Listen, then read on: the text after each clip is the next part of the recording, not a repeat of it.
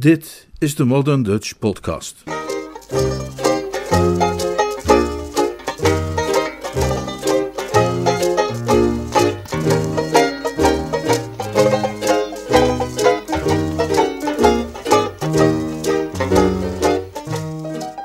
Het meisje in de taxi.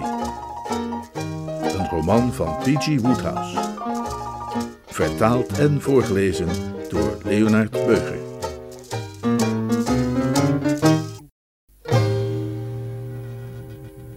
Samenvatting van het voorafgaande kunt u steeds vinden op onze website moderndutch.nl.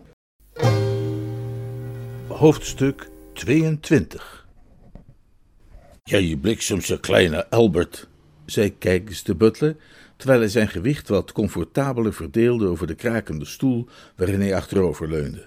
Laat dit een les voor je zijn, kleine snotjork die je bent. Het was een week na Lord Marshmoretons bezoek aan Londen om zes uur s avonds. De huishoudsterskamer, waarin de meest vooraanstaande bedienden hun maaltijden nuttigden, was leeggelopen. Van het vrolijke gezelschap dat zojuist de maaltijd had beëindigd, was alleen een kalmpjes spijsverterende kijkers achtergebleven. Albert, wiens taak het was om het hogere personeel te bedienen aan tafel, liep heen en weer en ruimde somber de borden en glazen van tafel. Het joch was in geen vrolijke stemming. Tijdens het diner was het gesprek aan tafel bijna uitsluitend gegaan over Reggie Bing's inmiddels gevierde schaking van Alice Faraday, en er waren maar weinig onderwerpen die voor Albert pijnlijker waren om naar te moeten luisteren. Ja, wat is nu het resultaat, hè? Of wat ik de consequenties zou willen noemen? Zei Kijks, die zijn preek nog wat voortzette. Van het feit dat jij je zo druk hebt lopen te maken, overal je neus in hebt lopen steken, en je hebt lopen bemoeien met zaken van volwassen mensen, die bovendien nog jouw meerdere zijn. Het resultaat en de consequentie daarvan is dat jij vijf shilling kwijt bent waar je helemaal niks voor terugziet. Vijf shilling die je misschien aan een goed boek had kunnen uitgeven, waar je nog wat uit had kunnen leren. En God weet dat jij nog wel het een en ander te leren hebt. Want van alle waardeloze, lamlendige prutsers waar ik ooit mee te maken heb gehad, ben jij toch wel de kampioen. Pas op met die borden, jongeman. En loop niet zo te hijgen. Je hebt toch geen astma of zo? Nou, ik moet toch zeker wel ademhalen? klaagde het zwaar getroffen joch. Niet als je erbij snuift als een walvis, denk erom. Keeks schudde afkeurend zijn hoofd. Maar goed, die Reggie Bing van jou is er dus vandoor gegaan met dat meisje, hè? Nou, dat zou je moeten leren om een volgende keer voorzichtiger te zijn als je gaat gokken en jouw loterijen gaat wagen. Het idee alleen al dat een kind van jouw leeftijd dat lef hebt om zulke dingen te doen. Hij was geen eens mijn Reggie Bing. Ik had zijn briefje niet getrokken. Er is geen enkele reden om dat nu weer op te rakelen, jochie. Je hebt dat nootje uit vrije wil en zonder probleem aangepakt toen ik je voorstelde eerlijk te ruilen. Dus wat mij betreft is hij wel degelijk jouw Reggie Bing. Ik mag hopen dat je hem een huwelijkscadeau stuurt. Nou, je bent trouwens niks beter af dan ik, ondanks je struikroverij. Mijn wat? Ja, je hebt me wel verstaan. Maar laat me dat niet nog een keer horen, het idee. Als je een probleem had met het ruilen van dat loodje, dan dat je dat toen duidelijk moeten zeggen. En wat bedoel je met je te zeggen dat ik niet beter af ben dan jij? Oh, nou, ik heb zo mijn redenen. Ja, dat denk jij, maar dat is heel wat anders. Ik neem aan dat jij je verbeeldt dat je een zekere voorzichtige affaire in de kiem hebt gesmoord door stiekem brieven kwijt te maken die jou waren toevertrouwd. Helemaal niet, riep Albert uit, maar met een krampachtige beweging van schrik, waardoor op een haar na elf borden in gruzelementen vielen. Hoe vaak moet ik jou dat toch zeggen, dat je voorzichtig moet zijn met die borden? zei Keks bestraffend. Je bent potverdorie toch geen jongleur in het circus dat je er zo mee loopt te gooien? Ja, maar ik weet alles van die brief. Jij dacht natuurlijk dat je slim was. Maar laat mij je nou vertellen, jij misselijke kleine Albert, dat Milady en Mr. Bevan onlangs een lang en intensief gesprek met elkaar hebben gehad, ondanks al jouw inspanningen. Ik heb jouw spelletje doorzien en persoonlijk een ontmoeting geregeld tussen die twee. Ondanks zichzelf was Albert onder de indruk. Het benauwde hem te moeten strijden tegen een superieur intellect. Oh, goed werk, lukte het hem uit te brengen op de juiste bewonderende toon van ongeloof. Maar in zijn hart was hij niet zo ongelovig. Albert begon langzaam in te zien dat er nog jaren zouden moeten verstrijken voor hij zich in een strijd der geesten zou kunnen meten met deze meesterstrateeg. Oh, en of dat goed werk was, zei Kijks. Ik weet niet wat er tijdens dat gesprek is gebeurd. Ik was er niet persoonlijk bij aanwezig. Maar ik twijfelde niet aan dat alles naar tevredenheid is verlopen. Nou, dan heb je wat dan als die gozer het huis niet in mag komen. Een flauwe glimlach deed het volle maansgezicht van de butler glanzen. Ha, als jij met die gozer Mr. Bevan bedoelt, misselijke kleine Albert, laat mij je dan vertellen dat het niet lang zal duren voordat die een regelmatige, welkome gast zal zijn op het kasteel. Ah, weinig kans. Durf je daar nog eens vijf shilling onder te verwedden? Daar schrok Albert voor terug. Hij had voorlopig even genoeg van weddenschappen waar de butler bij betrokken was. Waar die konkelaar er zijn vingers aan kon krijgen, smolt klinkende munt weg als sneeuw voor de zon. Hoe ben je van plan? Dat gaat jou niks aan, wat ik van plan ben. Ik heb zo mijn methodes. Het enige wat ik jou kan zeggen, is dat morgen of overmorgen Mr. Bevan op zijn dode gemak in onze eetkamer aan tafel zit en geheel naar zijn persoonlijke smaak en voorkeur zal antwoorden als ik hem vraag: Wilt u port of sherry? Zo. Vecht zorgvuldig al die kruimels van de tafellaken een klein stuk vreten, hè? En til je voet op als je loopt. En haal zachtjes adem door je neus en doe de deur achter je dicht als je klaar bent. Oh, laat het toch op, zei Albert bitter. Maar hij zei dat tegen zijn onsterfelijke ziel, niet hardop. De geest van de jongen was gebroken. Na voltooiing van zijn spijsverteringsprocessen meldde Kijk zich bij Lord Belfer in de biljartkamer. Percy was alleen. Het gezelschap op het kasteel, zo talrijk op de avond van het bal en op zijn verjaardag, was nu tot redelijke proporties geslonken. De verre neven en nichten hadden zich voldaan en met blozende wangen teruggetrokken in de donkere holen waaruit ze tevoorschijn waren gekomen. En het kasteel huisvestte alleen nog de meer prominente leden van de familie, die altijd wat lastiger te verjagen waren dan de kleine vissen. De bisschop was er nog en de kolonel. En behalve die twee misschien nog een half dozijn van de nauwere relaties. Naar Lord Belfors manier van denken een half dozijn te veel. Hij was niet dol op zijn familie. Hmm, kan ik u een ogenblik spreken, milord? Wat is het, Kijks? Kijks was een zelfverzekerd man, maar hij vond het toch een beetje moeilijk om te beginnen. Toen herinnerde hij zich dat hij ooit in het grijze verleden Lord Belfer een pak slaag had zien krijgen wegens het stelen van jam, bij welke gelegenheid hij zelf had opgetreden als de officiële aanklager. Die herinnering sterkte zijn zenuwen. Ik hoop ten zeerste dat milord mij mijn woorden niet kwalijk zal willen nemen. Ik ben sedert vele jaren in dienst bij Lord Marshmoreton, uw vader. En de eer van de familie ligt mij, als u mij vergeven wilt, zeer na aan het hart. Ik ken milord sinds milord nog maar een kleine jongen was. Lord Belfer had met groeiend ongeduld naar deze preambule of inleiding geluisterd. Zijn humeur was tegenwoordig al zelden op zijn best en al die overbodige frazen irriteerden hem. Ja, ja, het is goed, zei hij. Waar gaat het om?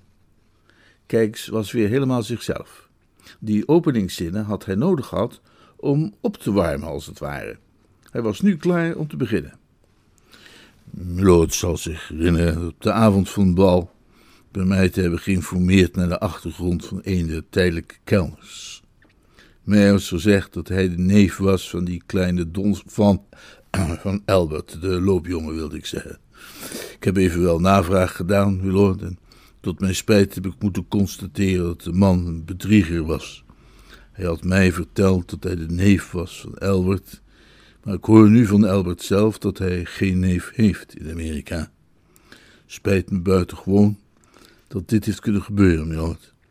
Ik hoop dat u het wilt toeschrijven aan alle drukte en stress die bij een dergelijke gelegenheid mijn taak noodzakelijke wijze verzwaart. Ik weet dat de man een indringer was. Waarschijnlijk uit op het tafelzilver. Kijk kuchte.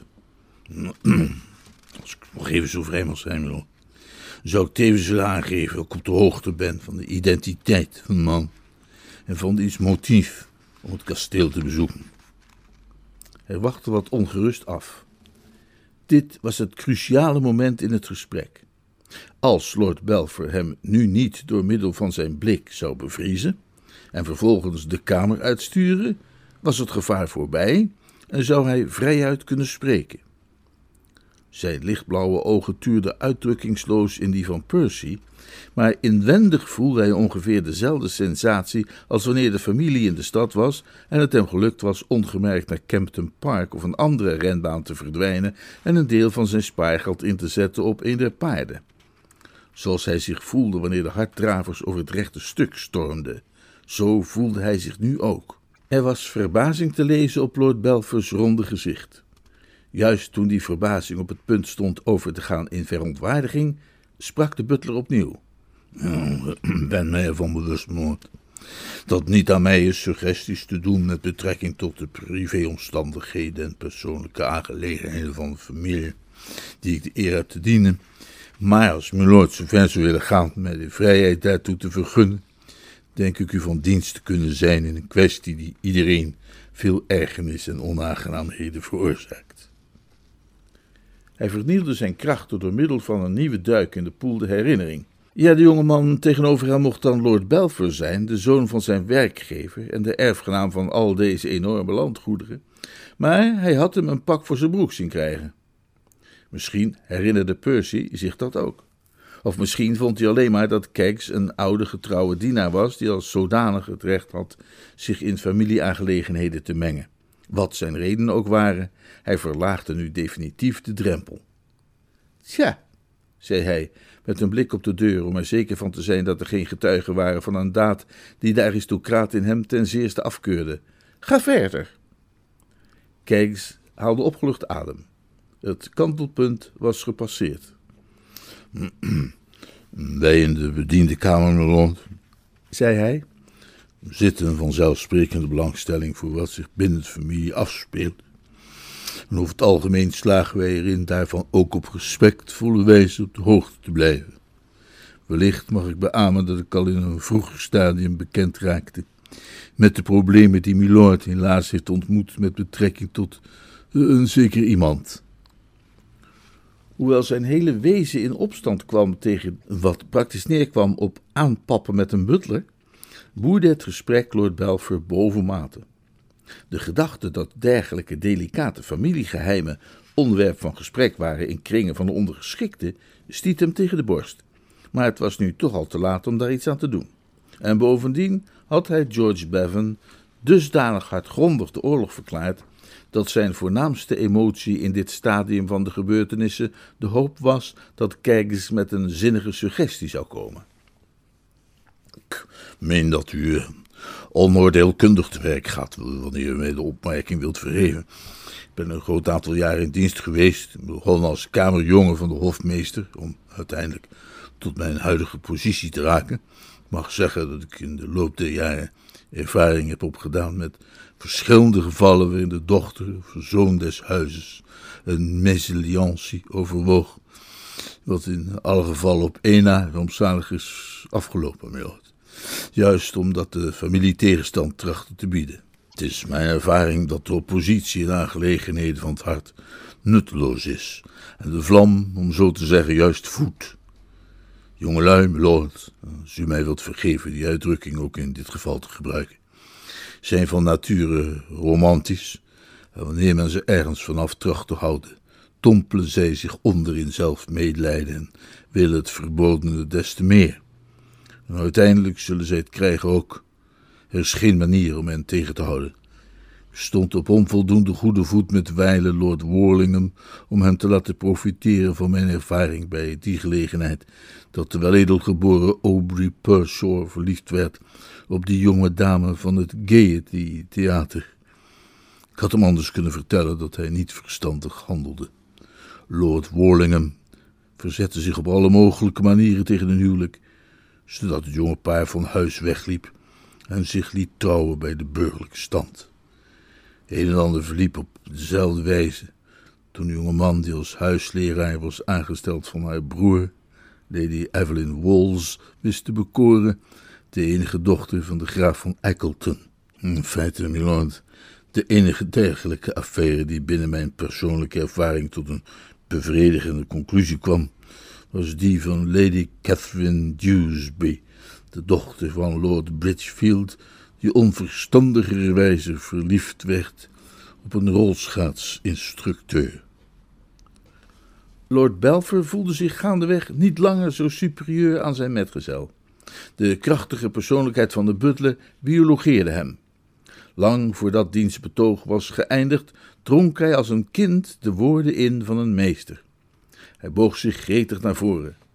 Keggs had zijn opmerkingen op het meest spannende moment afgebroken. Hoe liep dat af? vroeg Percy.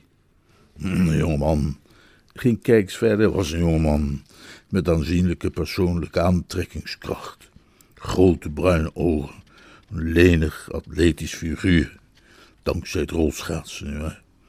Het was geen wonder, naar de algemene opvatting in de bediendenkamer, dat Milady voor hem was gevallen, vooral ook, zoals ik haar zelf aan een volle lunchtafel had horen opmerken, daar het rolschaatsen naar haar mening, afgezien van haar dwergkeeshondje, het enige was dat het leven de moeite waard maakte.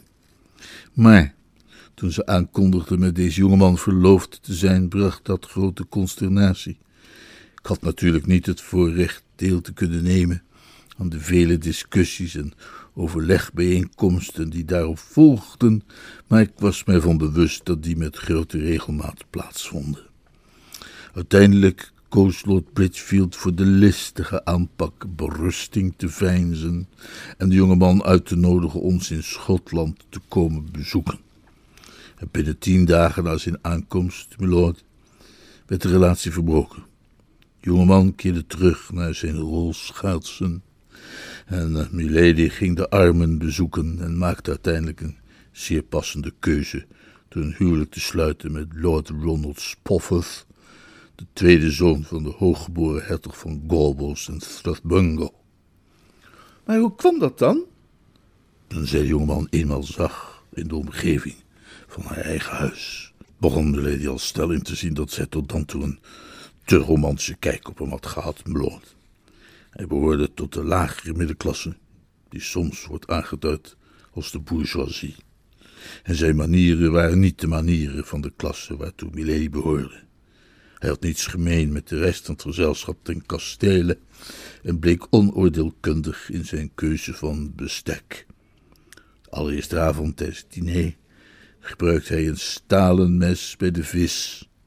En ik zag Milady heel scherp naar hem kijken, als om te zeggen dat de schellen van haar ogen waren gevallen. Het duurde niet lang daarna voor hij om te ontdekken dat haar hart haar op een dwaalspoor had geleid. Dus jij denkt. Ik durf u niets anders te bieden dan het meest respectvolle advies, milord. Maar ik zou in dit geval zeker een soortgelijke handelswijze willen bepleiten. Lord Belfer dacht na.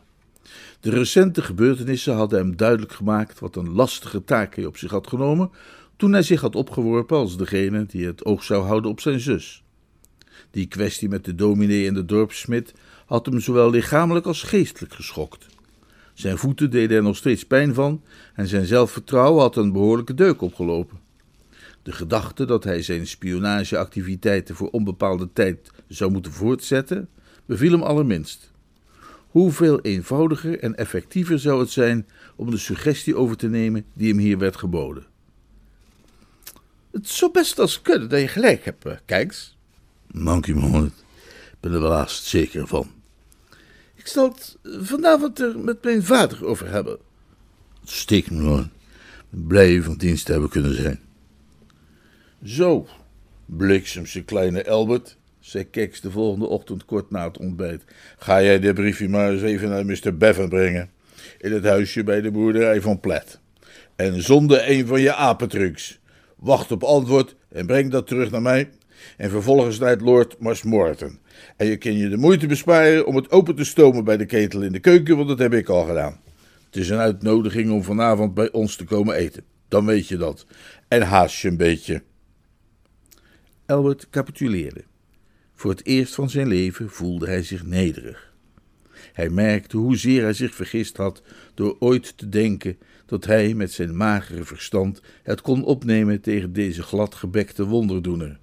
Gossamme, riep hij uit. Dat was alles wat hij zeggen kon. En dan nog wat, kleine snotjurk, voegde Keks er ernstig aan toe. Zorg dat je nooit zo'n domme sukkel wordt als onze vriend Percy.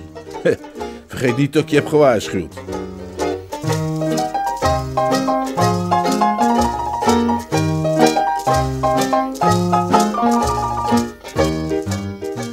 Hoofdstuk 23 Het leven is als een dolgedraaide machine die altijd ofwel te langzaam gaat of te snel.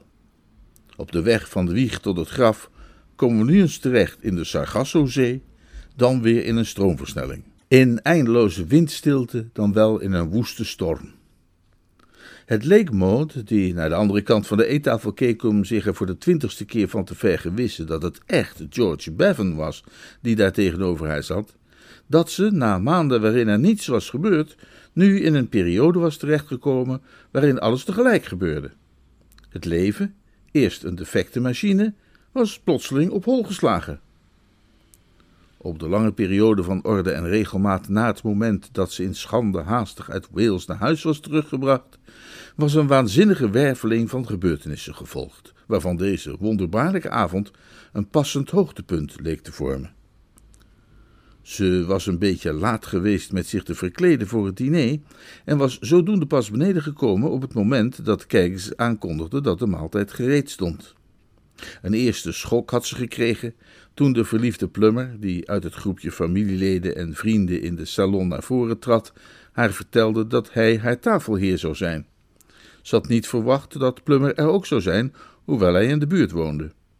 Plummer had bij hun laatste ontmoeting gezegd dat hij van plan was een tijdje naar het buitenland te gaan om zijn gekneusde hart te laten helen, en het was een beetje verontrustend voor een gevoelig meisje om haar slachtoffer op deze manier weer te zien opduiken. Ze wist niet dat, wat Plummer betrof, de hele zaak als heropend kon worden beschouwd. Plummer had haar motieven om hem af te wijzen geanalyseerd en bedacht dat er een ander moest zijn en dat die ander vast en zeker Reggie Bing was. Altijd al had hij Reggie als zijn ergste rivaal beschouwd. Maar nu was Reggie er met dat meisje van Faraday vandoor en was Maud achtergebleven, zo leek het Plummer, in een situatie waarin het voor de hand lag dat zij zich zou willen troosten met een waardiger man.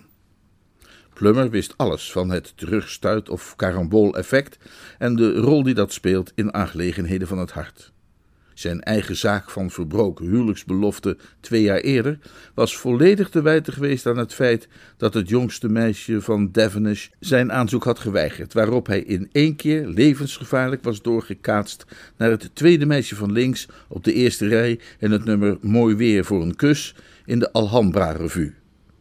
Hij was vanavond wat sombertjes naar het kasteel gekomen, maar niet zonder hoop. De tweede schok die Maud ontving overtrof de eerste in alle opzichten. Zij was er nog door haar vader, nog door Percy van op de hoogte gebracht dat hun gastvrijheid zich vanaf heden uitstrekte tot en met George, en hem daar te zien staan praten met haar tante Caroline deed haar een ogenblik duizelen. Het leven, dat sinds een aantal dagen alle kenmerken had bezeten van nu eens een droom en dan weer een nachtmerrie, werd nog onwerkelijker dan ooit. Ze kon geen verklaring bedenken voor George's aanwezigheid. Hij kon hier niet zijn, zo simpel was het. Maar toch stond hij daar onmiskenbaar. Terwijl ze naast Plummer de trap afliep naar de eetzaal, gedroeg ze zich zo meegaand en braaf dat de misleide kerel het gevoel kreeg dat hij die avond de meest verstandige zet had gedaan van zijn hele leven, dat verder maar bliksems weinig verstandige zetten had gekend. Het leek Plummer dat zij milder tegenover hem was gestemd. Er was zeker iets veranderd in haar. Hij kon niet weten dat ze zich alleen maar afvroeg of ze waakte of droomde. Ondertussen had George aan de overkant van de tafel ook nog wel moeite zijn mentale vermogens bij de laatste ontwikkelingen aan te passen. Hij had het opgegeven te proberen te bedenken waarom hij voor dit diner was uitgenodigd en trachtte nu verwoed een theorie te construeren die kon verklaren dat ook Billy Door zich op het kasteel bevond. Precies op dit tijdstip had Billy eigenlijk de laatste hand moeten leggen aan haar make-up in een kleedkamer op de tweede verdieping van het Regal Theater. Maar nu zat ze daar, volstrekt op haar gemak in dit aristocratische gezelschap, zo beschaafd en onopvallend gekleed in iets zwarts dat hij haar aanvankelijk nauwelijks herkend had. Ze was in gesprek met de bisschop. De stem van Keggs vlak bij zijn oor onderbrak zijn mijmering. Sherry of port, meneer? George had niet kunnen uitleggen waarom de aanwezigheid van de butler, waar hij zo op werd gewezen, hem zich beter deed voelen, maar dat was wel zo. Keggs had iets solides en kalmerends. Dat was hem al eerder opgevallen. Eindelijk verminderde het gevoel dat hij met een stomp voorwerp op zijn hoofd was geslagen. Het was alsof Keggs alleen al door de klank en buiging van zijn stem had gezegd: Dit alles komt je vast allemaal heel vreemd en ongewoon voor, maar vrees niet, ik ben hier. George ging rechtop zitten en begon dingen te onderscheiden. Het leek alsof in zijn hersenen de wolken waren opgetrokken. Hij zag zijn tafelgenoten opeens meer als individuen dan als een verwarde massa. De profeet Daniel moet, na de aanvankelijke verwarring zich in het gezelschap van leeuwen te bevinden, een dergelijke gewaarwording hebben ervaren. Hij begon de verschillende leden van het gezelschap te sorteren en voor zichzelf te benoemen. In de salon was hij weliswaar aan iedereen voorgesteld, maar dat had hem alleen maar het verbijsterde gevoel gegeven iemand een bladzijde uit Burke's adelsboek te hebben horen oplepelen. Niet sinds die dag in de Londense Openbare Bibliotheek, toen hij dat fascinerende boek had doorgeploeterd om Maude's identiteit te achterhalen, had hij zo'n regen van titels ondergaan. Hij inventariseerde nu hoeveel van deze mensen hij kon identificeren. Die inventarisatie werd een absolute mislukking. Van alle aanwezigen waren de enige personen die hij kon thuisbrengen zijn persoonlijke makkers met wie hij elders alles had rondgedold. Zo was er Lord Belver, die hem aankeek met een vijandigheid die nauwelijks verholen kon worden genoemd. Lord Marshmoreton zat aan het hoofd van de tafel en luisterde somber naar het gepraat van een fors gebouwde dame met parelsnoer. Maar wie was die vrouw? Was dat Lady Jane Allenby? Of Lady Edith Wade Beverly? Of Lady Patricia Foles? En wie was vooral die kerel met dat oliekoekengezicht en die snor, met wie Maud aan het praten was? Hij hoopte advies te kunnen inwinnen bij het meisje dat hem als tafeldame was toegevallen. Voor zover hij kon nagaan na een minimale kennismaking, leek zij hem een alleraardigst kind. Ze was klein en jong en donzig, en hij had toen ze aan elkaar werden voorgesteld genoeg van haar naam onthouden om te weten dat ze gewoon Miss Huppeldepup was, een feit dat haar al zo voor hem innam. Zeg, ik, ik hoop dat jij me kunt vertellen wie sommige van deze mensen zijn, zei hij toen ze zich omdraaide na met de man aan haar andere kant te hebben gepraat. Wie is die man daar? Welke man? Degene die met Lady Maud aan het praten is. Die man wiens gezicht eigenlijk opnieuw zou moeten worden geschud en uitgedeeld. Dat is mijn broer. Dat deed George verder zwijgen tijdens de soep. Het spijt me van je broer, zei hij, toen hij bij de vis weer wat bijkwam. Dat is heel lief van je. Het kwam door het licht, hè. Ik, uh, nu, ik, uh, nu nog eens kijk, zie ik dat zijn gezicht eigenlijk heel, heel charmant is. Het meisje giechelde. George begon zich beter te voelen. En wie zijn sommige van de anderen? Ik heb bijvoorbeeld jouw naam ook niet meegekregen. Die werd zo snel afgerateld dat hij voorbijgevlogen was voor ik hem te pakken had. Mijn naam is Plummer. Dat wist George te boeien. Hij keek nu met een levendige belangstelling naar de andere kant van de tafel. De verliefde Plummer was tot nu toe niet meer dan een stem voor hem geweest. Het was spannend om hem in het echt te zien. En wie zijn de rest? Verder allemaal leden van familie? Ik dacht dat je die kende. Nou, ik ken Lord Marshmoreton en Lady Maud en natuurlijk Lord Belfer. Hij ving Percy's blik terwijl hij hem koel aankeek vanaf de andere kant van de tafel en knikte opgewekt naar hem. Reuze kameraad van mij, Lord Belfer.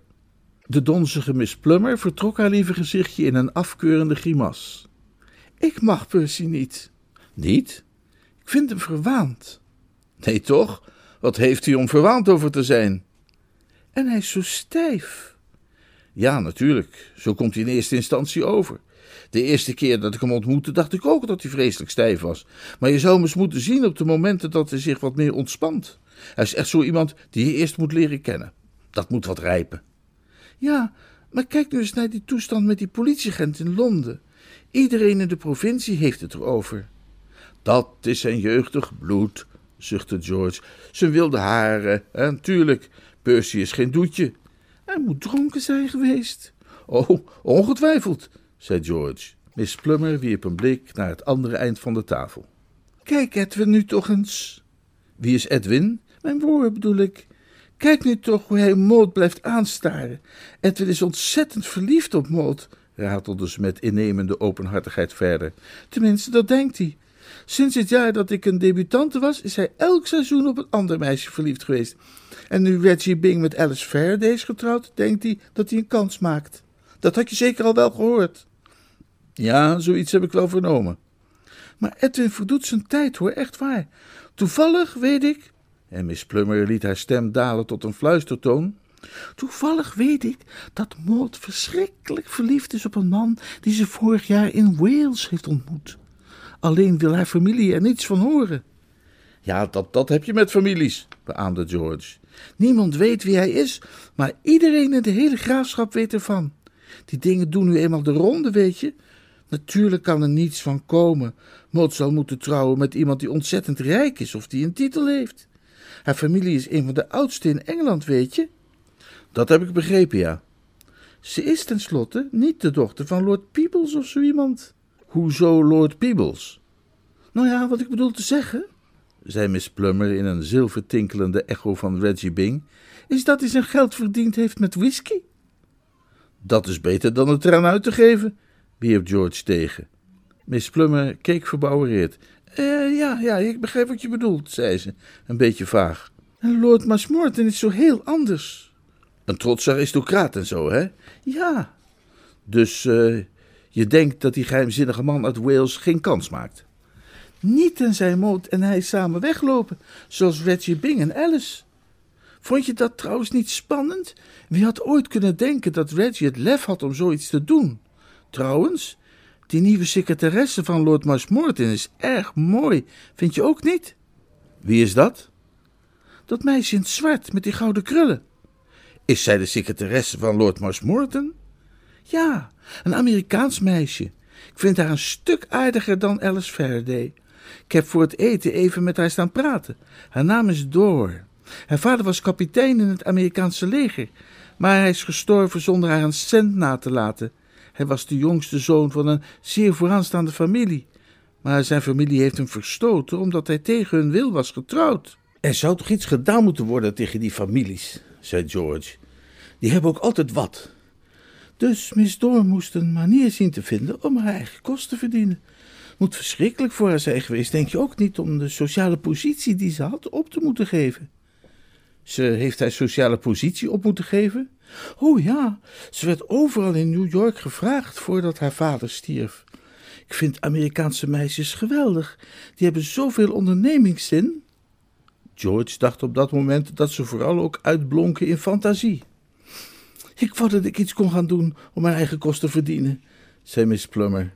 Maar de familie moet er niet aan denken. De familie weer, zei George meelevend. Dat is toch een ware vloek. Ik wil eigenlijk bij het toneel. Hou jij van theater? Oh, best wel. Ik ben er dol op. Heb je Hubert Broadley gezien in Die Kerende Lente? Ik vrees van niet. Oh, hij is geweldig. En heb je Cynthia Dane gezien in Een vrouw zegt nee? Die heb ik ook gemist. Hou je misschien meer van muziektheater? Ik heb een geweldige muzikale komedie gezien in het Regal Theater, vlak voor ik hierheen kwam. Dames gaan voor heet die. Heb je die gezien? Ja, die heb ik geschreven. Wat heb je? Nou ja, ik heb de muziek dan geschreven. Maar die muziek is schitterend, kermde de kleine Miss Plummer, alsof dat feit zijn bewering tot iets belachelijks maakte. Ik, ik loop die sindsdien de hele tijd te neurien. Ja, daar kan ik niks aan doen. Ik, ik blijf er toch bij dat ik die geschreven heb. Maar jij bent toch niet George Bevan? Jawel. Maar, maar... Miss Plummer's stem liet haar bijna in de steek. Maar ik, ik dans al jaren op jouw muziek. Ik heb thuis zowat vijftig platen van je voor de Victrola. George bloosde. Hoeveel succes een mens ook heeft, roem van dichtbij went nooit. Nou ja, zeg, dat, dat trippelige nummer, je weet wel, uit het tweede bedrijf, dat is het enigste dat ik ooit heb gehoord. Daar ben ik helemaal weg van. Uh, bedoel je dat nummer van lom, tilom, titom, tom, titom, tipom? Nee, nee, dat andere. Parom, titom, tom, parom, titom, tom. Je weet wel, over die oma die de chimie danst. Die tekst, daar ben ik niet verantwoordelijk voor, hoor, verklaarde George haastig. Daar word ik mee opgescheept door de tekstschrijver. Mijn brave papi vindt het smerig, dat snap je? Maar oma blijft dansen met allemans chansen. Oh, die was altijd zo rap, die. Fantastisch. Miss Plummer leunde opgewonden naar voren over de tafel. Ze was een impulsief meisje. Lady Caroline! Het gesprek viel stil. Lady Caroline draaide zich om. Ja, Millie? Wist u dat Mr. Bevan de Mr. Bevan was? Iedereen luisterde nu. George zat felroze ineengedoken in zijn stoel. Hij had deze bombarie niet voorzien. Sadrach, Meeschach en Abednego hadden samen nog geen tiende gevoeld van de warmte die hem thans verteerde. Hij was in wezen een bescheiden jongeman. De Mr. Bevan? echoode Lady Caroline koeltjes. Het deed haar al pijn om het bestaan van George op dezelfde planeet als zij zelf te moeten erkennen. Bewondering voor hem op te brengen, zoals Miss Plummer blijkbaar van haar verwachtte, was een afschuwelijke taak. Ze wierp een blik vers uit de ijskast op de samenkrimpende George en trok haar aristocratische wenkbrauwen op. Miss Plummer viel niet te dempen. Ze was op de leeftijd der heldenverering en George stond samen met de heren Douglas Fairbanks, Francis X. Bushman en een of twee tenniskampioenen op een hoge sokkel in haar eretempel. U weet wel, George Bevan, die de muziek van Dames gaat voor heeft geschreven. Lady Caroline vertoonde geen tekenen van dooi. Ze had nog nooit van Dames gaan voor gehoord. Haar houding deed vermoeden dat, hoewel ze de mogelijkheid openliet dat George zich inderdaad op de aangeduide wijze te schande had gemaakt, hij dat geen jota kon schelen. En al die andere dingen, vervolgde Miss Plummer onvermoeibaar. U moet zijn muziek gehoord hebben op de Victrola. Maar natuurlijk. Het was niet Lady Caroline die dat zei, maar een man verderop aan de tafel. Hij sprak met enthousiasme. Natuurlijk, potverdrie. Die uh, die shimmy en al die dingen, potverdikkie. Te gek! Iedereen leek dat leuk en interessant te vinden. Iedereen, dat is te zeggen, behalve Lady Caroline en Lord Belfer dan. Percy voelde zich ronduit beduveld. Hij vervloekte Keggs onnozelheid vanwege diens suggestie die kerel voor diner uit te nodigen. Dat was in elk geval volledig misgelopen. George was een onbetwist succes. De meerderheid van de aanwezigen behoorde duidelijk tot zijn bewonderaars. Als het erom ging Maud zijn onwaardigheid te tonen, was dit diner een afschuwelijke mislukking geworden. Ze hadden hem veel beter in zijn verdomde huisje kunnen laten verkommeren. Lord Belfer dronk met een chagrijnig gezicht zijn glas leeg. Hij was er behoorlijk van overstuur. Zijn ongemak op dat moment was echter nog niets bij de pijn die zijn toch al zo gekwelde ziel een ogenblik later moest ondergaan. Lord Marshmoreton, die met toenemende opwinding naar het koor van bijval had geluisterd, stond op van zijn stoel. Hij schraapte zijn keel. Het was duidelijk dat Lord Marshmoreton een plannetje had. Ha, zei hij.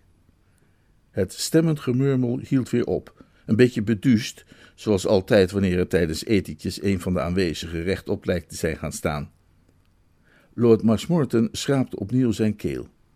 Zijn gebruinde gezicht had een nog wat diepere tint gekregen en er lag een blik in zijn ogen die leek te suggereren dat hij iets of iemand tartte of wilde uitdagen.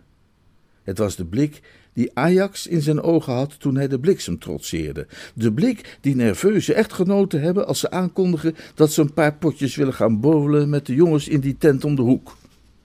Men zou niet met volledige zekerheid kunnen zeggen dat Lord Marshmoreton onthutst uit zijn ogen keek. Aan de andere kant kon men ook niet naar waarheid beweren dat zulks niet het geval was.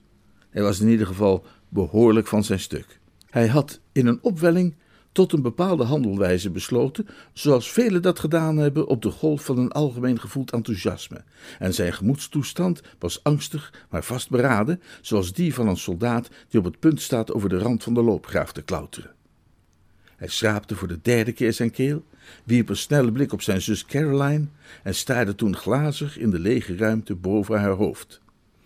Uh, ik, uh, ik, maak van, uh, van, van, deze gelegenheid gebruik, zei hij snel, terwijl hij zich voor steun aan het tafelkleed vastgreep. Ik maak van deze gelegenheid gebruik om de verloving aan te kondigen van mijn dochter Maud met Mr. Bevan. En, besloot hij haastig, terwijl hij zich in zijn stoel terug liet vallen, ik vraag u allen te drinken op hun gezondheid. Er viel een stilte die gewoon pijn deed. Even later werd hij onderbroken door twee geluiden die tegelijkertijd op verschillende plekken in de kamer weer klonken. Een daarvan kwam van Lady Caroline, die naar adem hapte. De andere was het gerinkel van gebroken glas. Voor het eerst in een lange en smetteloze carrière had Kijks de butler een dienblad laten vallen. I you, but I guess I love you. You got me between the devil and the deep blue sea. You got me between the devil and the deep, the devil and the deep, the devil and deep blue sea.